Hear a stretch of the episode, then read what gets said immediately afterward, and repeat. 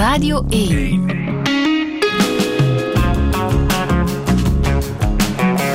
Douche. Met Friede Lesage. Touché met Paralympiër Gitte Hanen. Goedemorgen. Goedemorgen, Friedel. Net terug uit Zwitserland, waar je hebt deelgenomen aan de World Para-Athletics eh, Grand Prix. En dat heb je daar goed gedaan, hè? Ja, het is wel goed gegaan, ja.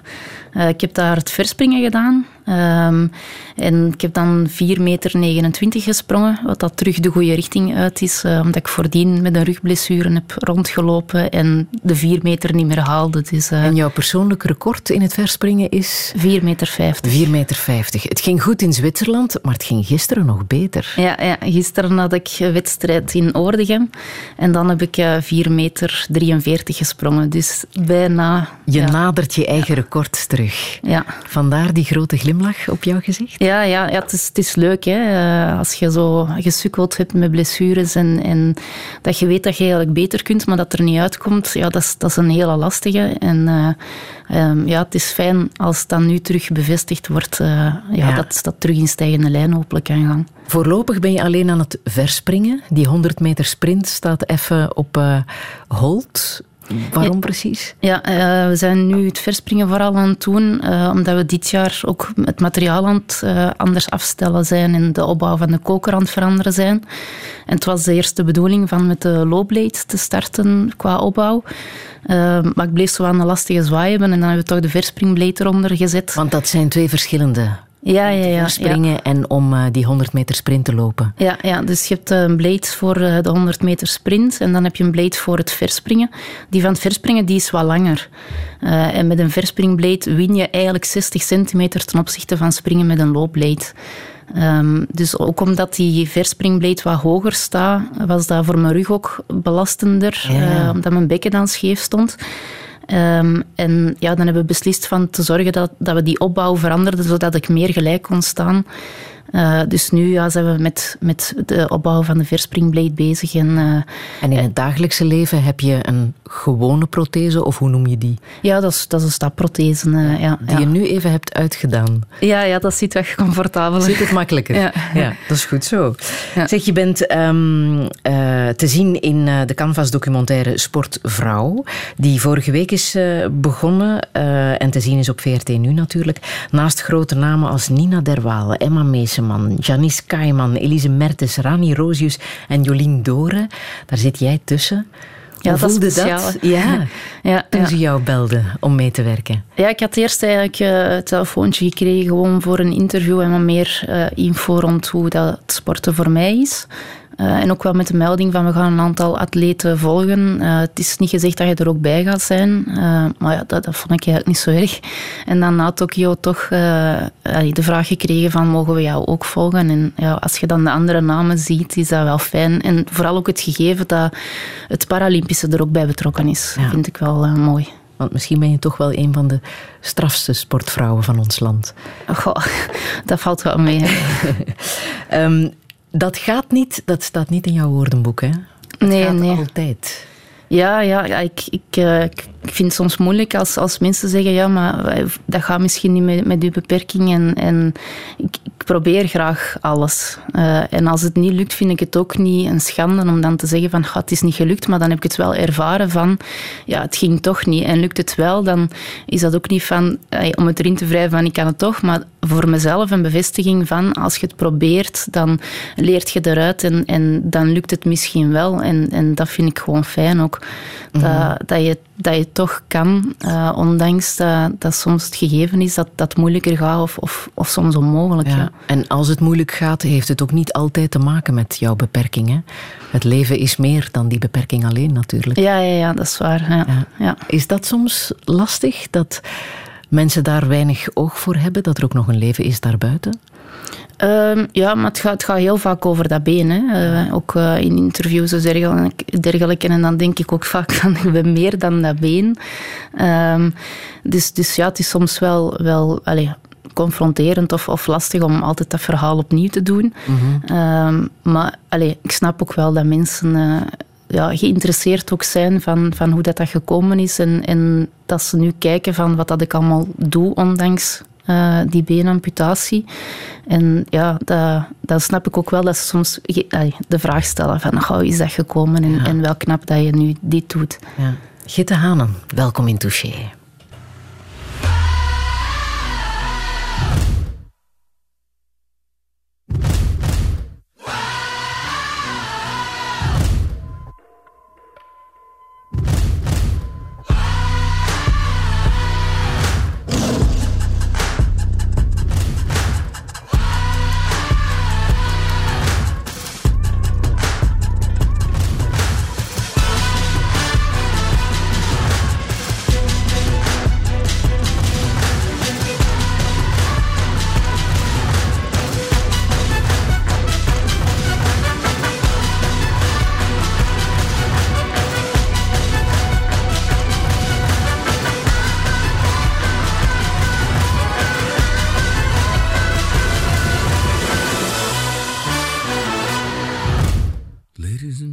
This is the moment you've waited for. You've been searching in the dark, your sweat soaking through the floor.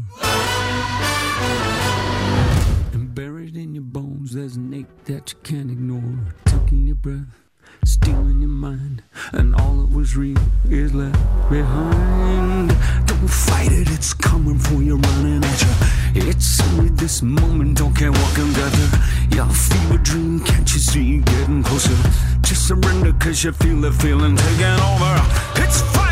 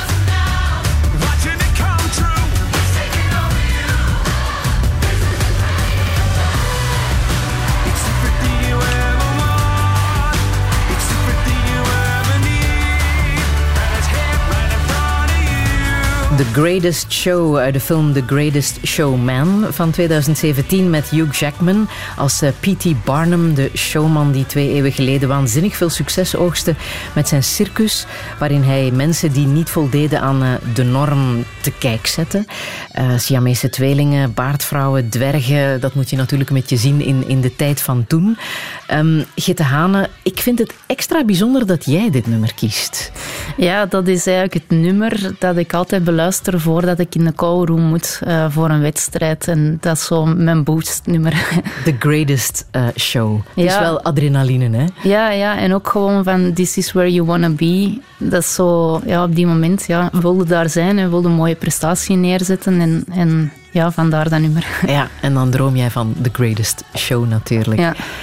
De problemen, daar moeten we even terug naartoe. Hè. Die begonnen op 29 eh, juli 2010. Dat is ondertussen bijna twaalf jaar geleden. Wat is daar toen uh, precies gebeurd? Ja, ik heb uh, toen op een thai-box training een misplaatste trap op mijn knie gehad. Dat was echt ja, een heel stom accident. Um, en dan uh, omgevallen en, en, eerst zo gedacht van ik zet mij terug recht en ik doe verder en niet flauw doen. Maar het moment dat ik dan mijn gewicht op mijn voorste been zette, uh, dan viel ik direct terug om en dan was het wel paniek van oei, er is wel echt iets mis. Uh, naar het ziekenhuis geweest en dan uh, RX genomen, maar dan zeiden ze van god, het is niet gebroken, windeltje er rond en pak dat van Ganneken als je pijn hebt. Dan toch de dag daarna naar de huisarts gegaan, omdat ik, ja, ik kon er niet op staan of niks. En, en ik had die windel eraf gedaan, helemaal paars. Uh, en dan had de huisarts gezegd van ja, 9 van de 10 is uw kruisband gescheurd. Uh, ik had in het ziekenhuis ook wel, wel gezegd van ik wil toch een afspraak bij de specialist, want uh, ik ben van opleiding sportleerkracht en, ik, ik, ken mijn lichaam wel, wel goed genoeg en er is wel degelijk iets mis naar mijn gevoel. Dus dan de week uh, nadien naar die afspraak geweest en dat ze daar ook direct bevestigd van ga maar een brace halen, want uw voorste kruisband is waarschijnlijk gescheurd. En dan nog onderzoeken gaat, kijkoperatie. En de kijkoperatie had wel uh, bevestigd, inderdaad, van die scheur. Maar dan nog was dat een banale operatie. Dat had goed moeten lopen. Ja, ja dat is, dat is uh, bijna een routineoperatie ja. eigenlijk. Dus uh, ik heb toen een week in het ziekenhuis moeten blijven. Uh, ze hadden een, een pees van mijn hamstring genomen als nieuwe kruisband. Maar mijn spieren waren te hard ontwikkeld, waardoor die pezen smaller en korter waren dan dat dan normaal is. Uh, en ik mocht mijn knie toen ook nog niet plooien. Dus dat was dan een volledige brace van ja, mijn heup tot aan mijn enkel. Um, en dan uh, ja, mocht ik daarna met kinesietherapie beginnen. Uh, en stelselmatig mocht die brace wat geplooid worden en dan uiteindelijk terug naar, naar gewoon de kniebrace zelf. En een half jaar na die operatie ja, kon ik mijn knie nog niet volledig strekken en merkte ik dat dat medisch materiaal zo precies zo uit mijn knie kwam. Dan is terug op controle geweest en dan zei ze, god, is een ontsteking, pak een ibuprofen en het komt wel in orde. Dan nog een aantal maanden later terug op controle, want het kwam niet in orde. En dan, dat is een traject van zes jaar? Ja, ja, ja. ja want op die manier heb je zes jaar lang rondgelopen met pijn die alleen maar erger werd. Ja, ja, maar het is eigenlijk dan de operatie dat ze toen gedaan hebben, dan een jaar later voor het medisch materiaal weg te halen, dat ik in mijn voet ook problemen begon te krijgen, wat dat voordien niet zo was. Uh, en, uh, en eigenlijk daardoor nog verschillende operaties gehad. En dan 2014 zei ik zelf al van, uh, dan kon ik ook niet meer stappen. Ga ik het af, want ik ben beu, het gaat niet meer. En dan toch nog twee jaar verschillende artsen. En, en dan ben een arts terechtgekomen die zei van, uw vraag is terecht. En, en dat gaat ook het enige zijn waardoor dat uw leven terug wat meer kwaliteit krijgt. En ja... Um, dan is dus de beslissing genomen van, van te amputeren.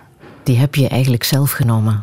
Ja, maar wel met, met dan ook uh, bevestiging van, van de arts. En, ja. en die ook zei toen van, goh, eigenlijk hadden ze dat al eerder moeten doen. Um, dus, dus ja, mijn gevoel was, was wel, wel geplaatst. En was het ook zo, na die operatie, na de amputatie? Was ja. het effectief een bevrijding? Ja, ja, eerst als je wakker wordt, dan, dan, of, of voor die operatie ook, dat zeven weken wachten. En, en ja, dan zit je wel met veel twijfels, hè, want je kent het leven met dat slecht been, maar je weet ook niet hoe dat die operatie gaan, ga, gaat gaan. En, en ja, dus, dus dat is ook zo wel wat stress. En dan na die operatie dan had ik echt het gevoel van oei, ze hebben me niet geopereerd. Dat been hangt er nog aan. En dan moest ik echt zo onder mijn deken gaan kijken en dan, ah ja, het is toch weg. Dus, dus, uh, Wat voor gevoel gaf dat? Ja, dat was opluchting. Hè. Dus ik had, ik had het gevoel dat ik, dat ik 200 kilo uh, minder woog. Ik heb nooit zoveel gewogen. Ja. Maar, uh, en als er vrienden zo op bezoek kwamen in het ziekenhuis ook, dan dan kreeg ik soms de opmerking van, uh, ja, je hebt precies een operatie aan je mond gehad. Omdat ik zo'n smile had Omdat en terug, terug echt kon lachen. lachen. Ja. Ja. Ja. Maar toch, dat was het begin van een nieuw leven. Hè? Dan moet je terug leren stappen. Moet je met een prothese leren omgaan. Hoe, hoe ging dat? Ja, ze hadden voordien ook wel gezegd van, ja, het is ook niet gezegd dat een prothese dat dat gaat lukken, want je kunt ook ontstekingen krijgen of er kunnen ook Mhm. zaken misgaan. Uh, maar ik had voordien ook zo wel in mijn hoofd gestoken van uh, dat been gaat eraf, die pijn is weg. Want uh, ze hadden ook wel gezegd van je kunt fantoompijn hebben. Ja. Um, Heb je daar last van? dat valt wel mee op zich. Uh, dat, is, dat is een raar gegeven. Um, ik denk dat het ook is omdat ik al zoveel pijn ervoor heb gehad, dat voor mij wel meevalt. Maar als iemand zo zijn been van de ene dag op de andere verliest, dan denk ik dat dat ook wel heel pijnlijk kan zijn. Mm-hmm. Maar fantoompijn, dat is zo precies dat je een prikkeldraad met stroom vastneemt en zo elektrische schokken voelt. En dat voel ik soms in mijn voet of in mijn kuit. Um, als ik dan mijn stomp masseer, dan gaat dat wel beter. En je hebt ook zo gegeven dat, dat ik met, met een paar vrienden fantoomplezier noem. Ja. En dat is eigenlijk als ik me nu focus op mijn dikke teen, dus mijn linker dikke teen, dat ik die naar boven doe. dan tintelt dat zo. Dus ik voel mijn teen tintelen, ik voel mijn hiel tintelen, ik voel mijn kuit samenheffen. En ja, dat is wel een aangenaam gevoel, want je hebt het niet meer, maar je voelt het nog wel. ja, ja, ja, dat is echt zo'n zot gegeven. Fantoomplezier. Dus, uh, ja, ja. ja. maar dus, um, die operatie is gebeurd in april 2016. Ja, ja. Wanneer ben je dan terug beginnen sporten? Ja, vrij snel eigenlijk. Uh, ik mocht dan in mei naar de revalidatie. En dan, uh, ja, de eerste keer kinesietherapie was wel tof, omdat ik dan zo buikspieroefeningen en zo mocht doen. En dat, dat ging dan zonder pijn. En uh, dan 16 uh, juni 2016 was dan de eerste keer dat ik met een prothese mocht stappen. En ja, dat is ook wel speciaal. En, en het is dan een uitdaging hè, om, dat, om dat aan te leren en om, om altijd zo moeilijkere oefeningen te doen. En dan, tweede, uh, dan 13 augustus mocht ik uit de revalidatie en uh, twee weken later was ik een blade aan het testen. Wow, ja. dat is wel heel straf. Ja, ja ik, had, ik had zo zelf zo tegen de kinesist gezegd van, goh, ja, uh, ik, wil, ik wil proberen een triathlon te doen. En de kinesist zei, heb je dat voordien al gedaan? Ik zei, ah, nee, nog nooit. Hij zei, ja, Gitte, je beseft toch wel dat de meesten die een amputatie ondergaan, drie jaar later pas terug uh, starten met sporten. En jij wilt dat volgend jaar al doen. En ja, uiteindelijk heb ik ja, het jaar nadien dat effectief ja, ook Want als sporter kan je natuurlijk niet te veel jaren verliezen. Hè? En je nee, ja. zoveel jaren verloren. Ja, ja, dus ik was al zes jaar kwijt. En ja, ik was al dertig hè, als ik geamputeerd werd. Dus ik wist ook van als ik in de sport nog iets wil kunnen doen, ja, dan, dan heb ik geen tijd om nog drie jaar te wachten. En mijn vorig sportverleden ben ik niet geraakt waar ik wou geraken. Um, door dat dan was die blessure. Ja, ja. ja. Thai-boksen was geen optie meer? Ja, als je iemand trapt met een ijzerbeen, ik denk niet dat ze dat zo tof gaan vinden. Mm. Uh, dus, dus ja, nee, was geen optie meer. Uh, ik box nog wel af en toe, omdat ik dat wel mis. En uh, ja, dus, dus ja, thai-boksen niet meer gedaan. En dan lopen deed ik ook wel graag. Dus, dus ja, dacht Daar van, als ik dat al terug in. kan, dan, zien we wel. Ja.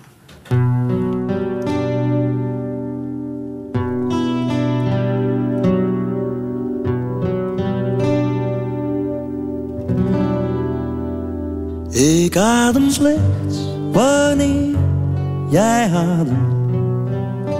Ik droom alleen wanneer jij droomt. En is het licht uit in de kamer, dan weet ik nog wat er zich afspeelt in je hoofd.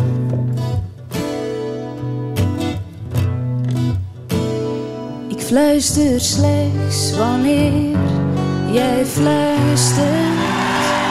Ik zwijg alleen omdat jij raadt. En hoe dat komt, dat weet ik zelf niet.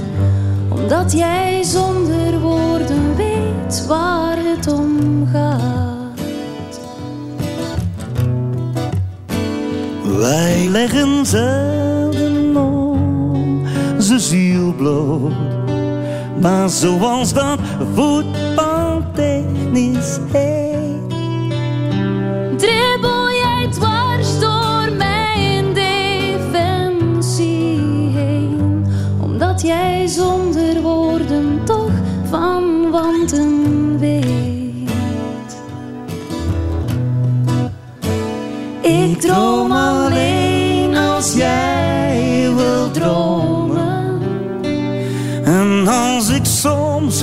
alleen iets mis, Dan denk jij nooit hoe zou dat komen. omdat jij zonder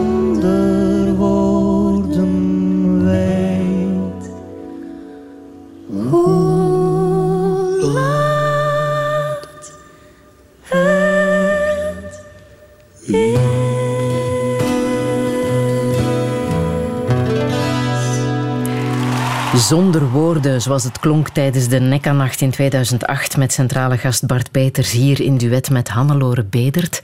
Gitte Hane, jij zat toen in de zaal? Ja, ja. Ehm, ja, Nekanacht was een van de eerste optredens waar dat we naartoe mochten als kind dan, ai, met, met mijn moeder. Ehm, en zo Nederlandse muziek en folkmuziek was ook wel iets dat bij mijn grootouders eh, vaak thuis was, maar ook dan bij mijn eigen ouders. Um, en ja, Bart Peters is, is iemand waar we mee zijn opgegroeid. Hè. Ja. Eh, buiten dan zijn, zijn zangtalent en de, de teksten dat hij schrijft, heeft hij ook eh, programma's op tv gemaakt, zoals Peulen Galeis en, eh, en, en ook Dag Sinterklaas. Dus daar ben ik zelf ook mee opgegroeid. En ja, dat is een heel veel, veelzijdig man. En, en, ja, dus, en zijn muziek is ook echt heel speciaal. En het moment dat Hannelore Bedert toen mee op het podium kwam, was ook behoorlijk magisch. Hè? Voor Ja, haar ja. Zelf trouwens ook. Ja, ja. Ja. ja. Hannelore Bedert is ook zo ja, een, een heel sterke vrouw. En ehm, zij doet ook mee in eh, Radio Oorwoud, WWF. eh, heeft zo eh, een groep. En dan schrijven ze, maken ze liedjes over de dieren en, en de natuur. En, dus dat is een aanrader voor mensen met kinderen. Eh, en Hannelore Bedert is daar ook een, een vaste waarde in. Dus ik heb die ook al twee keer in die groep gezien. En eh, ja, dat is, dat is echt ook eh, ja, Ja. volgens mij een heel warm iemand. ook. Ja, maar je bent dus met behoorlijk veel muziek opgegroeid. Hè? Ja, ja. Ja. Jullie waren zelfs gastgezin voor het Folklorefestival. Ja, in Schoten. Ja. Ja. Ja. ja, we zijn denk ik eh, een negental jaar gastgezien geweest. Eh, dat was voor ons in? altijd uitkijken naar de zomer. Ehm, het is Schoten, ja, was er altijd een fol- folklorefestival en daar traden dan verschillende eh, dansgroepen uit het buitenland eh, op. En, eh, en dan kon je je inschrijven als gastgezin en zeggen of dat je één persoon of twee personen kon opvangen. En ja, wij hadden meestal twee personen bij ons thuis logeren. En ja, dat was dan eh, bijvoorbeeld Ivoorkust of Schotland of Letland hebben we ook nog gehad. Mexico, Hongarije. Dus het is altijd zo Joegoslavië. De wereld kwam bij jullie ja, ja, thuis. ja, dat was altijd heel speciaal. En dan, dan mochten we zo mee gaan kijken naar de optredens. En soms waren er avonden dat dan verschillende groepen hun dansen aanleerden. En dan, ja, en dan deden we ook mee. Dus dat was echt wel tof. En met sommige mensen hebben we altijd wel contact gehouden. Zo hebben wij nog altijd vrienden in Schotland. En de ene zomer gingen wij daar op vakantie. En de andere zomer kwamen zij dan bij ons. En eh, mijn, mijn moeder is nu met, met, met haar man eh, in Schotland. En, en allee, dus, dus dat is altijd wel een, een vaste waarde gebleven. Dus zomervakanties waren altijd wel prettig. Ja. Tot, ik denk, die ene zomervakantie in 2015. Wat is er toen gebeurd? Toen had je een... Ah, ja, ja, ja. ja. Ehm, nee, 2015. Nee. Was het een ander jaar? Ja, ja, ja. ja. Ja. Eh, ik denk 2005 of zo heb ik een fietsaccident gehad. Ja. ja, ja. Maar wat is er toen precies gebeurd? Ehm, ja, ehm, ik was toen ja, eh, op kamp en dan ehm, met de fiets eh, een tocht aan het doen. En dan eh, op een bepaald moment was het zo bergaf en mijn stuur begon te kwikkelen. En ik probeerde wel te remmen en dat lukte niet, dus ik ben over mijn stuur geslagen. En uit reflex heb ik een judo-koprol proberen maken. Ik heb vroeger nog judo gedaan, wat eigenlijk ook een beetje een redding is geweest.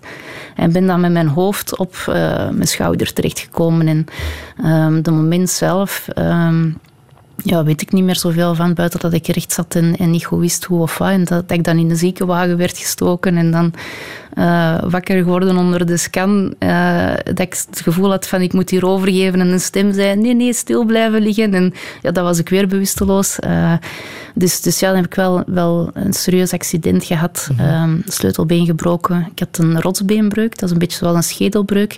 Maar door uw rotsbeen loopt ook uw aangezichtzenuw, gehoorzenuw, evenwichtszenuw. En dat was allemaal beschadigd, waardoor dat de rechterkant van mijn gezicht verlamd was. En ehm, ik, ben, ik heb een gehoorsverlies van 70% langs mijn rechteroor. Ik ben dan ook nog geopereerd geweest aan mijn evenwichtsorgaan, eh, omdat ik niet meer recht kon lopen. En er kwam blijkbaar vocht uit dat evenwichtsorgaan. Dus, eh, dus ja, dat was wel eh, En hoe oud was je toen? accident. Eh, 15 jaar. 15. Ja. En dat was allemaal tijdens de zomervakantie? Ja. In september moest je terug naar school. Ja, ja, ja. Ja, ja dat, was, dat was een hel eigenlijk, om terug naar school te gaan. Ja? Ze hadden eerst gezegd van, ja, je kunt, je kunt nog even thuis blijven, maar ik wou niet met een achterstand starten. Dus toch eh, naar school gegaan. Maar ja, ik had, ik had cortisone moeten nemen, dus mijn gezicht ook wel opgezwollen, mijn gezicht ook verlamd. Eh, qua geluid moest ik er nog aan wennen dat het maar langs één kant opgenomen werd.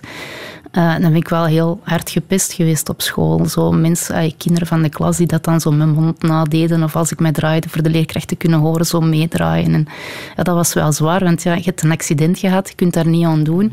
Dat is dezelfde klasgroep als ik zo al de jaren voordien ook mee samen zat. Dus die kenden mij al van ervoor. En toch ja, word je daarmee gepest en uitgelachen. En ja, dat was wel zwaar. Had je toen mensen in je omgeving, je ouders of grootouders die jou steunden, waar je met je verhaal terecht kon? Ja, ja, mijn grootouders zijn altijd uh, ook heel belangrijk voor mij geweest. Uh, en uh, daarnaast, ik heb nog steeds mijn vriendengroep van het middelbaar, maar we hadden zo een groepje vrienden, maar verspreid over de verschillende richtingen. En zoals het speeltijd was, dan kwamen we wel samen. En in de vakanties deden wij ook echt veel dingen samen. maar daarnaast, ja, met mijn grootouders, ja, zijn, zijn ook altijd heel belangrijk voor mij geweest. En ook wel mensen waar ik naar opkijk en, en waar ik ook altijd bij terecht kon. Ja. Mm Want je bent twee jaar later, na dat accident, ben jij al alleen gaan wonen. Ja, ja. ja. ja um, Waarom wou je dat? Goh, willen is, is een groot woord. Uh, mijn ouders zijn uh, die periode zo gescheiden. En dat was meer een, een vechtscheiding. En, ik zat daar zo wat tussen. Zo. Uh, we moesten ook kiezen als kind van bij de mama of papa gaan wonen. En ik vond dat heel moeilijk. Ik, zo als kind een keuze tussen je ouders maken, dat is, ja, dat is, dat is, dat iets dat je niet kunt. Uh, dus ik zat er ook zo tussen en dan, dan heb ik um, eerst bij mijn grootouders even gewoond. En dan uh, hebben zij begeleid zelfstandig wonen uh, mee opgestart. Uh, dus het is een middelbaar, ja, woonde ik alleen. Ja. En lukte dat om voor jezelf te zorgen op die leeftijd? Ja, dat is, dat is, dat is, dat is anders. Hè? Want ja, je gaat naar school, je moet studeren, je moet dan zelf koken, je moet naar de winkel gaan, je moet je administratie doen. Um, maar ja, en, en zo klasgenoten die zeiden van, als je een buis hebt, is dat niet erg, want ja, je mocht je toetsen zelf tekenen. En ja, in het weekend kun je uitgaan en je kunt kiezen om hoe laat dat je gaat slapen. Maar ik had zelf zoiets van, ja, Allee, ik wil wel een, een, diploma hebben, want je job doe je ook voor je leven. En als je dan iets moet doen dat je niet graag doet, ja, dat, dat, is, dat is dan dikke pech. Hè? Dus, uh, dus ik had zoiets van, ja, ik wil wel studeren en ik wil een diploma halen. En, en, uh, dat heb je ook gedaan? Ja, ja, ja. ja, ja. Wat heb je dan precies gestudeerd? Uh, ik heb, ja, na het middelbaar heb ik eerst een jaar Nederlands-Engels gestudeerd. Um, omdat ik, ja in middelbaar uh, Engels en Nederlands wel heel, heel leuk vond. En, en ik was ook wel zelf veel bezig met gedichten schrijven of teksten schrijven en zo. Uh, ze hadden wel gezegd in het middelbaar van, god, dat gaat te zwaar zijn voor u, die richting. Maar ik dacht, goh, ja, ik ga het proberen. En anders kun je zo achteraf allez, ja, zo met spijt zitten van dat je het niet geprobeerd hebt. Dus ik dacht, ik ga het proberen. Dat was ook zo de periode dat ik dan met thaiboxen begonnen was. Dus ja, ook veel aan het sporten. En, uh, ik heb dat jaar gedaan, maar ja, dan daarna beslist van, uh, van richting te veranderen en dan mijn andere keuze te doen voor sportleerkracht te studeren. En ja, dat was ik er in, in altijd in eerste zit door. En dat was ook wel echt uh, mijn passie. Dus uh, ja.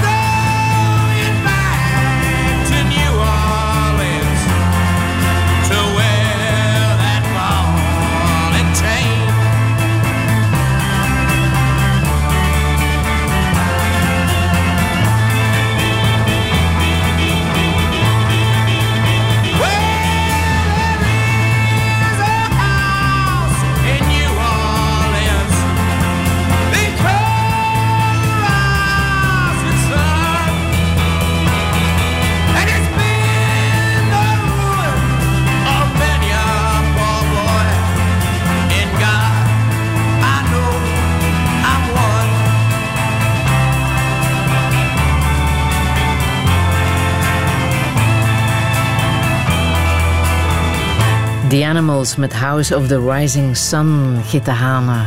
Welke herinnering hangt aan dit nummer vast voor jou? Ik heb de Animals leren kennen door de cd's van Tour of Duty. Uh, dat is zo, als we ergens naartoe gingen thuis, dan stonden die vaak op in de auto. Uh, en ja, dit nummer was ook een van mijn vader zijn favoriete liedjes. Um, ja, en mijn vader is overleden in 2019, twee maanden voordat ik naar 2K in Dubai moest vertrekken. Uh, die was ziek en uh, mijn vader woonde in Thailand, dus ja, het was moeilijk om, om naar daar te gaan. En, en ja, ik had eigenlijk gehoopt dat ik na 2K, omdat ik dan drie weken rust had, hadden we afgesproken dat ik dan naar Ginder ging gaan. Um, maar hij is dan, dan vroeger overleden.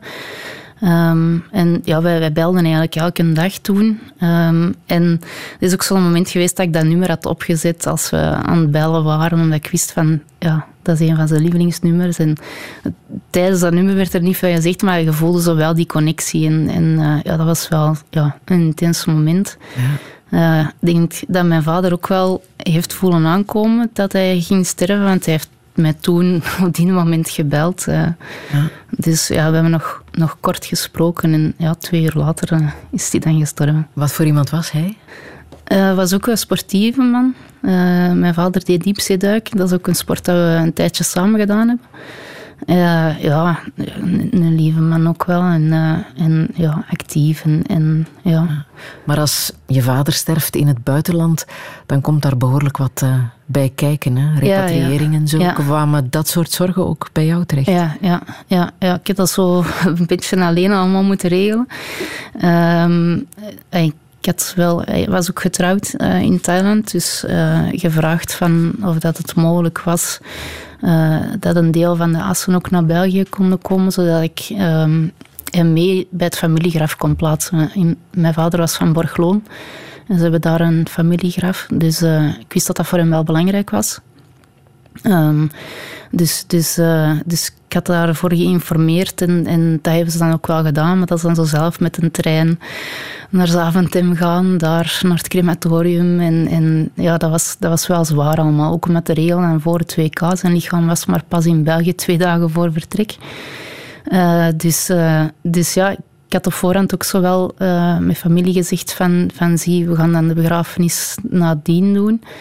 Um, en, en, maar ja, je moet dan zo de brieven nog rondsturen en dan zelf opstellen en doen. En, en zorgen dat je ook al kaartjes bestelt en, en al die zaken. Dus dat, dat was heel... Hoe was het voor jou dan om ook nog eens te focussen op dat WK in Dubai? Ja, dat was zwaar. ik had voor mezelf ook gezegd, zo, ik had ook tegen mijn zus gezegd van zie, als je nog een tekst hebt, ofwel stuurt je dat door voor uh, dat ik vertrek of daarna, want ik wil er daar niet mee bezig zijn. Um, mijn tantes en onkel uh, van Borgloon, die hebben ook wel, wel wat geholpen. En, en, ik ben ook voor de begrafenis nog bij mijn tante daar aan blijven logeren. Um, Maar dat moment dat je dan moet presteren, ja, dat is proberen een, een knop afzetten. En, en allee, mijn vader had ook wel gezegd van... van eh, ik wou eigenlijk naar daar gaan in de zomer, maar ik had dan nog eens mijn enkel gebroken, dus ik raakte daar dan ook niet. En eh, hij, had wel gezegd van, zie, na het WK spreken we af en, en je zult dat wel goed doen. Eh, dus, maar Je was- hebt dat ook goed gedaan, hè? Ja, ja ik, heb, ik heb daar die medailles gehaald. eh, en Brons Ieder- op eh, de 100 meter Ja. sprint en zilver op het verspringen. ja, ja. Wat toch zeer erg goed is, hè? Ja, maar voor mij, het gevoel dat daar aan, aan vasthangt, is niet hetzelfde als dat je dat zonder die persoonlijke... eh, Want speelde Ja. dat? Zat je te denken, hoe zou het geweest zijn als mijn vader gewoon in het publiek zat? Als ja, ik die enkel niet had ook. gebroken? Ja, maar een, een nicht van mij, die woonde in Dubai en die is wel naar het verspringen komen kijken. Dus dat was ook wel extra speciaal. En ook zo daarna zo wel even tranen de vrije loop gelaten. En, en, eh, en ze zei dan ook wel van, ja, je gaat trots zijn en, en allee, je hebt dat goed gedaan. Maar het was zo, ja, iedereen is, is fier en, en is eigenlijk blij, maar zelf heb je daar een, een ander gevoel bij. Heb je daar niet zo kunnen van genieten? Van Nee, nee, nee, ja, dat, is, dat is dan in je bed liggen en ook zowel tranen hebben, ja, Ja. omdat er zoveel rond ook hangt. Dus, Ja, eh, ja. ja. En dat was ook nog altijd maar drie jaar na jouw amputatie, hè? Ah ja, ja. Dat WK. Dat, Ja. dat vergeet jij vaak, hè? Ah, ja. Voor een buitenstaander is dat toch wel eh, zeer, eh, zeer opmerkelijk. En dan had je al een behoorlijk wat eh, overwinningen op je naam staan, hè? Ja, ja, het, ja, het, jaar voordien, 2018, had ik eh, hetzelfde behaald op het Europees kampioenschap in Berlijn. Eh, dus ook die hij brons op de 100 meter en, en zilver in het verspringen. Eh, en dan 2017 ehm, was ik vierde geworden op de 100 meter eh, op het WK in Londen.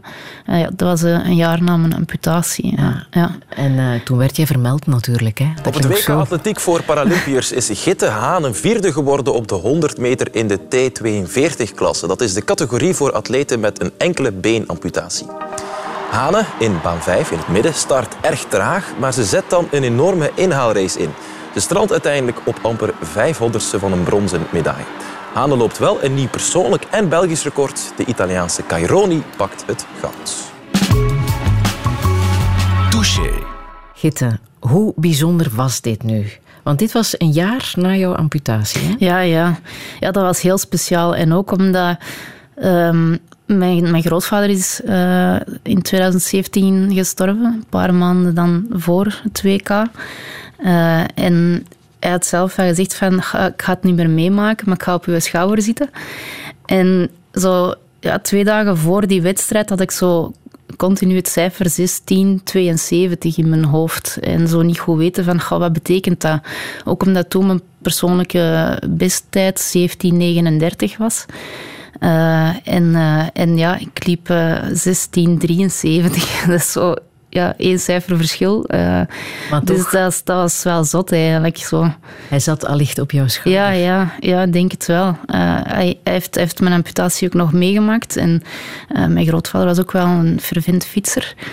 Eh, en eh, dat jaar heb ik ook met de koersfiets terug leren fietsen. En ik had er dan zo'n filmpje van. En, en ook zo, als hij op palliatieve lag, dan, dan zo ook gezegd van, ah, mag ik dat filmpje nog eens zien? Eh, ik vind dat zo chic dat je dat terug kunt. En dan met die beenprothese. En, dus, dus ja, Allee, voor mij is, is die vierde plaats eigenlijk zo, ja, het speciaalste. En, ja, een, een ja, prestatie die, die effectief zo wel, dat euforisch gevoel eh, had. En was dat ook al de optimale blade waarmee jij kon eh, sporten op dat Ehm, moment?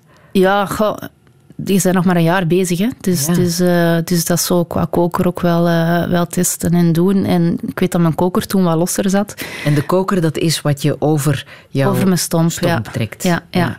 Ik weet dat allee, het eerste jaar ook de vorm van je stomp verandert nog en wordt smaller ook. Eh, en ja, toen dan, eh, zat mijn koker al, al wat losser, dus ik had zo'n extra band ook aan, eh, dat die, dat die aanbleef. Ja. Maar het feit dat je daar niet met de meest optimale blade hebt gesport, was ook al opmerkelijk natuurlijk. Hè? Want jouw tegenkandidaten waren sterker, waren er misschien... Oh, die, die waren zo al langer in het veld. Hè. Ja. Dus, dus je, je, je kent je blade dan ook al beter en, en je bent dan wat meer getraind. Ehm, Maar ik denk dat mijn sportverleden allee, het ook wel heeft bijgedragen aan het feit dat ik op korte tijd ehm, wel snel progressie heb gemaakt. Don't tell the gods I left a mess. I can't undo what has been done. Let's run for cover. What if I'm the only hero left? You better fire off your gun once and forever. He said, Go dry your eyes and live your life like there is no tomorrow, son. And tell the others to go singing like a hummingbird, the greatest anthem ever heard. We are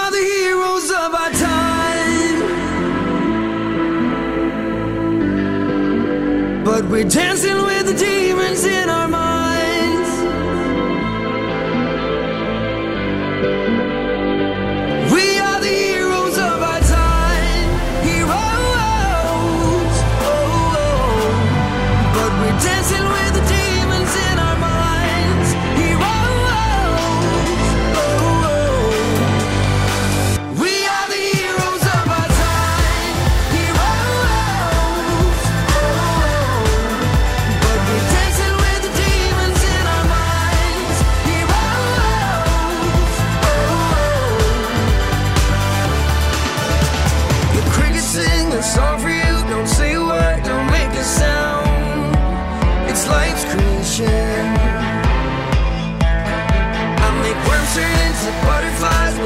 Turn this world around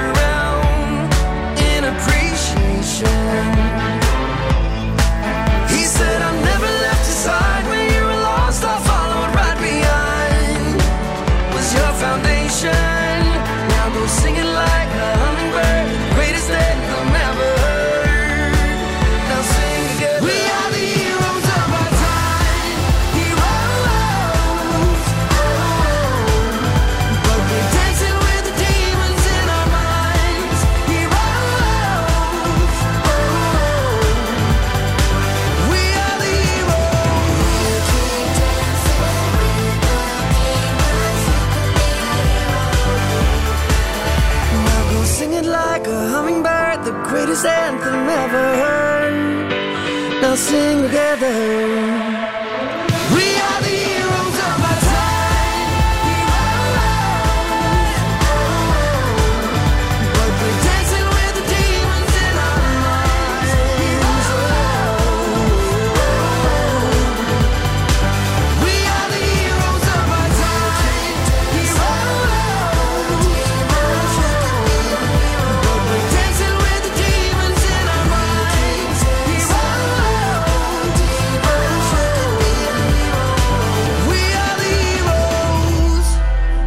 Sportmuziek is dit. Heroes van Mans Zelmerleu. Hij won het Eurosong voor Zweden toen eh, het in Wenen plaatsvond. In 2015 was dat. Gitte Hane, waaraan doet dit nummer eh, jou denken? Ja, ik heb eh, in 2015 ook de dodentocht gedaan in mijn rolstoel eh, in Bornem. Eh, en ik had die altijd al wel willen stappen, maar ik kon niet meer stappen. En een vriendin van mij die zei, ah ja, ik heb mij ingeschreven voor de dodentocht, ik ga dat met een vriendin doen. En ik zeg, ah, amai, dat is wel chic. ik zou dat ook wel willen doen. En zei, ja, schrijf je ook in. Hè, en doe dat met je rolstoel mee en we zullen wel helpen waar dat nodig is. Dus, dus ja, ik had mij dan ook ingeschreven en zo op voorhand zo ene keer een dag eh, 15 kilometer gaan rollen. En, eh, en dan, ja, dan effectief zo gestart aan een dodentocht. Want de dodentocht is hoeveel kilometer? 100, ja. Die je moet afleggen in een bepaalde tijd, hè? Eh, ja, binnen de 24 uur. Ja. Dus, eh, en, en ook met de rolstoel doe je hetzelfde parcours. Want dat werd soms zo onderweg gevraagd van... Amai, moet je hier ook tussen de maïsvelden en door de bossen? Ik zeg, of, of moet je een gemakkelijkere route? Ik zeg, ja, nee, ik zeg, doe hetzelfde. En ja, ik ben soms ook wel een beetje koppig. En, eh, voor mij was het echt zo, ik wil dat alleen doen. eh, zonder geduwd te worden. En, en ja, dat is ook effectief gelukt. Zo. En de laatste vijf kilometer, ehm, dan was er een meisje naast mij aan het lopen met zo'n boxje aan haar rug. Ehm, en dit nummer speelde dan af. En dat was zo echt zo wel een boost. En, eh, ik kende het nummer ook niet van daarvoor, maar dat is zo mij wel bijgebleven. En die laatste vijf kilometer, is echt de langste vijf kilometer ooit dat ik gedaan heb. Je ziet zo elke kilometer dat voorbij is, zo een bordje, maar dat duurt even voordat dat volgende bordje komt. Eh, en eh, en ja, dus eh, een vriendin die, die daar mee was, die zei, ja, ja, ik ga emo worden, ik ga emo worden als ik aan de finish kom. Ik zeg, alleen maar dat hoeft toch niet? En zo die laatste 100 meter of zo, ja, was ik het dan, degene dat zo emo werd. Maar dat is zo, al die mensen staan langs de kant te supporteren en dan die uitputting komt er dan nog bij. Dus ik denk dat dat zo'n samenloop was. En dan, ja, dat, dat was zo, ja, tranen. En, maar ja, ik had het gehaald.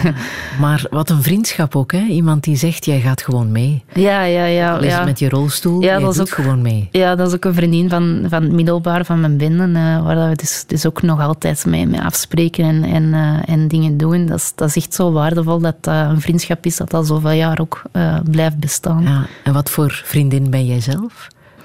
Goh, eh, ja, ik denk dat dat altijd wel bij mij terecht kunnen, ook als er iets is. En, en ik zeg dat ook tegen veel mensen en vrienden van, eh, je bent altijd welkom bij mij als je je goed voelt, maar nog meer als je je niet goed voelt. Omdat soms mensen, als ze zich niet goed voelen, zo minder de neiging hebben van ik ga ergens naartoe. En eh, omdat ik geen aangenaam gezelschap ben, maar dat, dat, dat is helemaal niet erg. Dat, het is juist op die momenten dat je er nog meer moet zijn voor je vrienden. En, ja.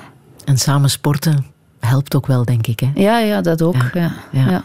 Sporten is voor heel veel mensen een eh, hobby, maar heb jij hobby's buiten de sport? Ja, ik, eh, ik haak. Haken? Ja, ja. Ja? Ja, soms denk je mensen, oh ja, dat is zoiets voor bommas. Maar ja, eh, dat is eigenlijk een, een uit de hand gelopen hobby. Ehm, ik ben, ben eh, plusmama geweest. En ja, als de kinderen verkleed naar de scouts of naar school moesten, dan vond ik altijd van, je maakt de kostuums zelf, je gaat dat niet kopen, je maakt dat zelf. En de oudste moest als Waris Wally verkleed naar de scouts. En eh, ja, zo'n blauwe broek was eh, gemakkelijk te vinden. En een, witte t-shirt met lange mouwen. En ik had er dan rode strepen op gezet. Maar ja, dan die muts. Dat was zo, ja, dat, is- dat kun je niet gewoon in de winkel kopen. Dus ja, ik had gezegd, anders probeer ik dat te haken. Eh, mijn ex-partner zei van, goh, kun jij haken? Ik zeg, ik heb dat wel eens een keer gedaan. Eh, ik dat wel proberen. Dus zo eh, rode en witte wol gaan halen en, en een haakpen eraan begonnen. En eigenlijk was dat wel goed gelukt. Dus, dus dan kreeg ik zo de opmerkingen van, ga, waarom maakt je niet van die am- amigurumi ja, poppetjes? En ik dacht, ja, dat begin ik niet aan, zo, want dat, ja, dat is zo frulwerk. En dan was het Sinterklaas en ja, de Sint had dus voor mij een eh, haarpakket gebracht. En de kinderen van, eh, ah, wilt je voor mij dat maken en voor mij dat? En ik dacht, oh, dat kan ik niet anders. Dus zo geprobeerd van dat te maken uit dat boek. En die eerste dingen, dat trok echt op niks. Eh, maar dan gaandeweg ging het beter. En een half jaar later moest ik... eh, nee, dan, dan moest een vriendin van mij geopereerd worden. En die was zo zot van een bepaald soort dinosaurus. Dus ik dacht, goh, als ik dat probeer te haken en een patroon aan het zoeken... En uiteindelijk dat patroon niet gevonden en dacht ik, ik probeer dat zelf. Dus zo, terwijl dat ik aan het haken was, schreef ik dan op hoe dat ik het maakte. En dan daarna de onderdelen in elkaar genaaid. En eigenlijk was dat wel goed gelukt. En de jongste van, van mijn ex-partner, die eh, was zot van eenhoorns. Dus dat was dan mijn volgend project. Van ik ga proberen een eenhoorn te maken. En, en zo heb ik gaandeweg verschillende patronen ontworpen. Eigenlijk altijd vanuit een insteek van ik wil iets mooi maken voor iemand eh, anders. Pyrografie doe jij ook, wat is dat? Ah ja, dat is, eh, dat is een hobby dat eigenlijk begonnen is als ik een hernia thuis zat. Dat is houtbranden. Dus dan heb ik zo, ja, op, maak ik zelf kaartjes eh, en dan brand ik daar iets in. Eh, of of eh, recent is een vriendin van mij getrouwd en dan heb ik een, een tapasplank gemaakt met dan... van, van hun uitnodiging eigenlijk, eh, ja, hun namen en, en datum en zo erop en dan een quote erop. En, eh, Ik geef graag persoonlijke cadeaus. Zeer creatief ben je, hè? Ja, ja, ja. Ben je ook graag? Ja, ja ik, ik ben gra- graag creatief bezig. En eh, met sporten hebben we soms zo verplichte rustmomenten. En ik kan niet goed niks doen, want dan voel ik mij lui. Dus gewoon Netflix kijken, ja, dat, dat werkt voor mij niet. Dus, dus dan kijk ik Netflix, maar ben ik ondertussen aan het haken en dan voel ik me nuttig. Ja, of kijk je naar America's Funniest. Dat Oh ja, dat gebeurt eh, eh, ook wel eens, ja. Guilty pleasure. Ja, maar dat is zo, als ik op de trein of de bus zit of zo, eh, ja, dan, dan vind ik dat wel, wel fijn om zo via Facebook zo... Maar echt, dan zit je uren te kijken naar mensen die vallen. Nee, niet uren, maar dat zijn zo filmpjes van twee minuten. En, en het is ook niet dat ik, dat ik zo wil dat die mensen hun pijn doen, hè, want dat is ook Ja, niet alleen Het lijkt wel een beetje Ja, maar je had zo vroeger op MTV Ridiculousness. En eh daar keek ik ook wel graag naar. Maar dat is ook soms dat je zo op voorhand al denkt... Ah ja, nee, niet doen, niet doen. Want je weet dan het vervolg al. En, en eh, je hoopt dan wel dat die mensen oké zijn. Hè? Maar ja, ik vind dat soms wel grappig. Maar soms is dat ook gewoon een kindje dat dan zo volledig geschminkt... of op de muur geschilderd heeft of dergelijke. Of, of, of dieren dat iets grappig doen. Dus het is uiteenlopend. Eh, en ja, ik vind dat wel grappig. Zolang dat de mensen oké zijn, natuurlijk. Als het goed afloopt. Ja, ja. Ja. Ehm, je eh, wil ons graag eh, ehm, nog eens herinneren aan die fantastische film Le Huitième Jour. Film van ondertussen, eh, ja, heel veel jaren geleden, van 1996 is die. Regisseur Jaco van Dormaal heeft toen een heel bijzonder verhaal verfilmd, hè, dat ook jou heel erg heeft geraakt. Ja, dat is een film dat ik gekeken heb voor een werk voor Frans in middelbaar. Dus moesten we een Franstalige film kijken en ik had dan die film gekozen. En eh, ja, dat is, dat is eigenlijk een, een verhaal over George, die het syndroom van Down heeft. En dan Harry, een zakenman, en, en die dat zijn gezin een beetje verwaarloost en alleen maar bezig is met werk, werk, werk. En dat is een toevallige ontmoeting. En eigenlijk leert Harry allee, van alles van George. En eh, ja, ik vind, dat, ik vind dat een heel speciale film. Ja, omdat het ook op een of andere manier herkenbaar is voor jou? Het is herkenbaar, omdat ja, mijn, mijn coach is PAB van een jongen met syndroom van Down. Qua leeftijd... persoonlijke assistentiebegeleiding. Ja. Ja, ja. Eh, qua leeftijd is hij 33 jaar, maar mentaal twee jaar. En die, die gaat ook zo wel mee naar de trainingen. Eh, en dan stapt hij zijn, toertjes of soms eh, doet hij ook oefeningen mee met ons. Fysiek is hij wel heel sterk. Ehm, en, en soms als je dan zo zelf een, een slechte dag hebt of een ambetant gevoel en je komt op training en, en ja, hij is daar dan ook, dan, ja, dan, dan verdwijnt dat gevoel zo. En zij zo ja, instant ook weer op eh, een betere vibe. Ja. Sporten zij ook? Mensen met uh, Ja, ja, ja, ja, ja, ja, ja. dat is ook uiteenlopend. Hè, want, want veel mensen denken sinds Down the Road dat, dat die allemaal verbaal en fysiek heel, heel sterk zijn. Maar dat is, dat is heel verschillend. Eh, die, die jongen die bij ons dan meetraint, ja, ehm, het is niet dat hij heeldere gesprekken kan doen. Ik kan wel zo wat zaken zeggen, maar, maar ja, heel beperkt. Fysiek is die wel heel sterk door het werk van de coach ook met hem. Ja. Eh, maar dat is, ja, het is altijd wel fijn als die, als die meegaan. En ja, hij is ook mee naar Zwitserland geweest, dus dat was ook wel tof. Dit is muziek uit eh, de film, eh, geschreven trouwens door de broer van eh Jaco van Dormaal, die jazzmuzikant is.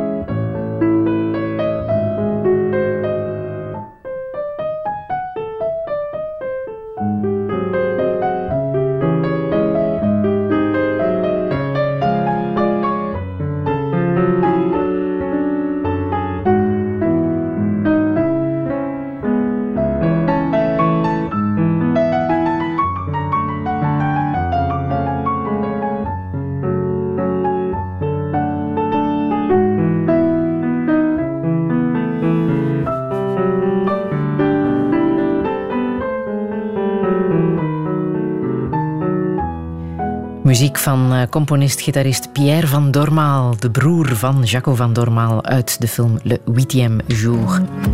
Radio 1.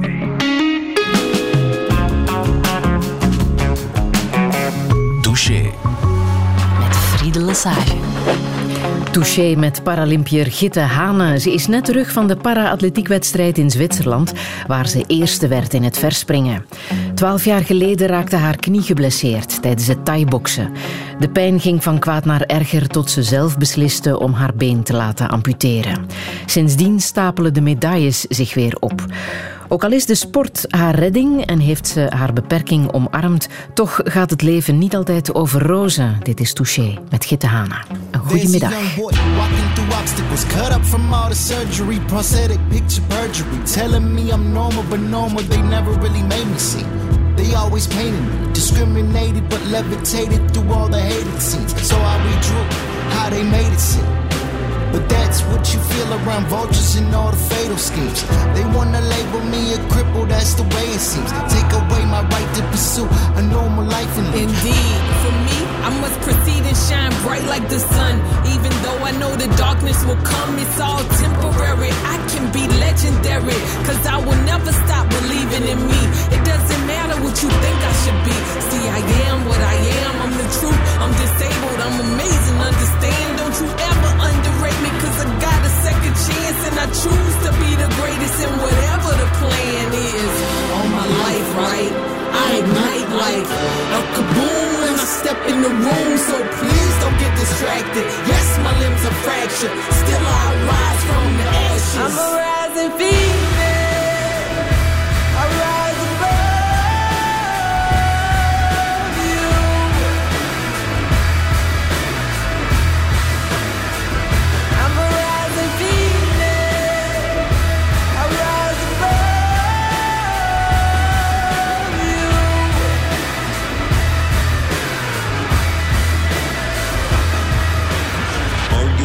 Your at the pistol pop, I'm out the block to hit the ground running. No lazy days sun, but the storm, the unity to do it. That's why I be so smooth while I do this underneath the ditch. Watching how I keep it moving. Use it, your lack of intuition. Presuming my condition predictions in the. Five and eight arrive, transformed the right before the eyes and into the sky. They you for a while, but Phoenix rise. Lead with example and do everything in life I see. A simple thing like riding a all alike. How is that enlightening? It's so much fighting. Cause my superpower, it makes me different, this lightning. Wait, how many obstacles I gotta break? How many fights I gotta face? Just to make you feel my fate.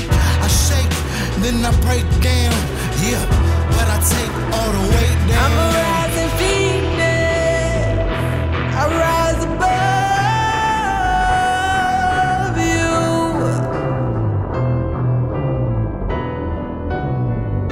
I'm a rising phoenix. I rise above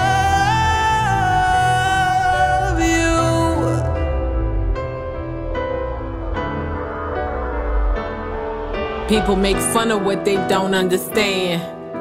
Look at me cause I'm different and can't do what they can. But belittle me you won't because I am what I am. I am amazing, a different pill in which your brain cannot cram. I'm different. Often inspired by pain, inflicted by the inhumane, with hearts as black as the grain. My disability is silent, but my bottled up rage got me running from my dreams a hundred miles with one leg. So how dare you try to remind me that I don't fit into your perception? How dare you define me? I'm beyond what you see as perfection. I'm a rising phoenix. I rise above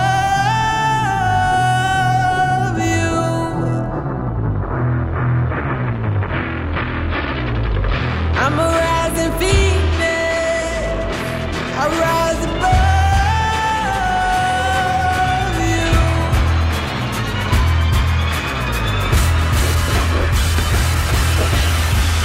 Rising Phoenix. Het is de titelsong uit de Netflix-documentaire The Rising Phoenix, genoemd naar eh, de Italiaanse schermster Bebe Vio, die al haar ledematen moest afslaan als, eh, afstaan als eh, gevolg van meningitis. Een heel straffe documentaire die iedereen zou moeten zien, want het is een onwaarschijnlijke strijd die de Paralympiërs daar leveren. Niet alleen voor de Paralympiërs zelf, maar ook voor de Paralympische Spelen, opgericht door de Joodse dochter, dokter Ludwig Goedman, die na de Tweede Wereldoorlog merkte dat veel oorlogsslachtoffers, zowel mentaal als fysiek, baat hadden bij sport. Gitte Hanen moet jou bedanken voor eh, de tip om naar deze documentaire te kijken, want eh, het is een hele straffe documentaire. Ik vermoed de atleten die daarin te zien zijn, dat jij die ook al wel hebt eh, ontmoet. Ja, ja, dus eh, ook al wel op wedstrijden eh dat je tegenkomt. Maar ja, bij ons zijn de wedstrijden atletiek. Ehm, dus, dus ja, BB heb ik nog niet, eh, niet gezien eh, op zo'n wedstrijd. Maar ja, in Tokio eh, was zij ook wel aanwezig. En ja, ik volg ook wel de zaken van andere atleten. Ja, En was je zelf nog onder de indruk van die documentaire? Ja, jawel, jawel. Want ik zat zelf in de revalidatie 2016, als dan de Spelen van Rio waren. En als je dan in die documentaire ook te horen krijgt dat ze eigenlijk toen ehm, het budget van de Paralympische Spelen gebruikt hebben nog voor de Olympische Spelen, dat er eigenlijk bijna geen financiën waren om, om 2016 dan nog de, spelen, de Paralympische Spelen te laten doorgaan, dat, dat, is, dat is onbegrijpelijk. Dat is, dat is eigenlijk eh, ja, absurd. Ja. Maar Dus, ook het eh, verhaal van de, van de mensen zelf. ja, ja dat, is, dat is ook inspirerend. Hè, want uiteindelijk eh, ben ik ook in deze wereld terechtgekomen. En ehm, ja, voor veel mensen is dat, is dat heel erg als je zoiets meemaakt. En, en, eh, zoals dat ik heb meegemaakt. Maar uiteindelijk ben ik ook wel, wel blij dat ik ook dit leven of deze wereld heb, heb ontdekt. Omdat ik ook altijd wel met grote ogen sta te kijken naar andere atleten. Van wat dat zij presteren, wat dat zij ook al hebben meegemaakt. En als je dan zo zelf een moeilijkere dag hebt, dan, dan staat het er ook wel bij stil. En, en, en haalt je daar ook wel, wel motivatie uit. Want het zijn vaak erg traumatische verhalen. Hè? Het is niet altijd Ja, ja. eh, door een accident, maar Ja, ook eh, ja, door oorlogen. En, en- oorlogsslachtoffers. Ja, eh,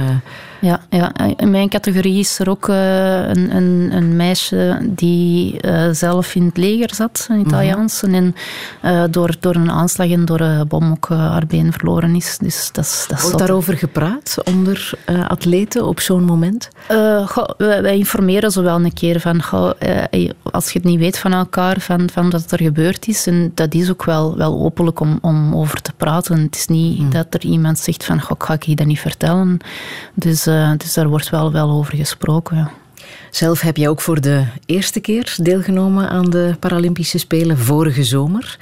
Ja. Ehm, spannend was het. Eh, het klonk bij ons toen zo. Tussen de regendruppels door laat ze 3,51 meter en een nulpoging noteren. Als ze verder wil naar de finale zal ze een stuk verder moeten. Het wordt uiteindelijk 3,72 meter, maar de 4 meter sprong zoals op training, die komt er niet. Het jaar van Tokio wil je gewoon dat alles uitkomt. En eh, ik heb twee maanden nog een rugoperatie gehad. En ja, toch gehoopt. Ehm, Het wordt dus balen. Giete Hane kan zich niet plaatsen voor de finale. Touché. Het was balen, hè. Die kon je niet plaatsen voor de finale. Ja, ja, ja, dat is ook de eerste keer dat ik een finale niet haal. Eh, en dan op zo'n toernooi. Dus dat is, eh, ja, dat is frustrerend. Hè. En, en uiteindelijk, met dat ik dan die rugoperatie twee maanden voor de Spelen gehad heb, wist ik ook wel van, van eh, er gaat een wonder moeten gebeuren. Eh, ik heb ook toen met mijn loopbleed gesprongen in plaats van met mijn verspringbleed, om die rug zo, zo min mogelijk te belasten, omdat die verspringbleed ook hoger stond en daar geen risico's in te nemen. Eh, dus je weet ook, ja, je verliest die 60 centimeter ten opzichte van, van eh, ja, de, verspringbleed. Ehm, en, en ja, dat is moeilijk, want je traint er uiteindelijk vijf jaar voor. Eh, voor mij was dat ook zo het doel van mijn vorige sportcarrière ben ik niet geraakt waar ik wou geraken. En nu, eh, Tokio was voor mij zo wel het doel van ik ga daar podium proberen halen.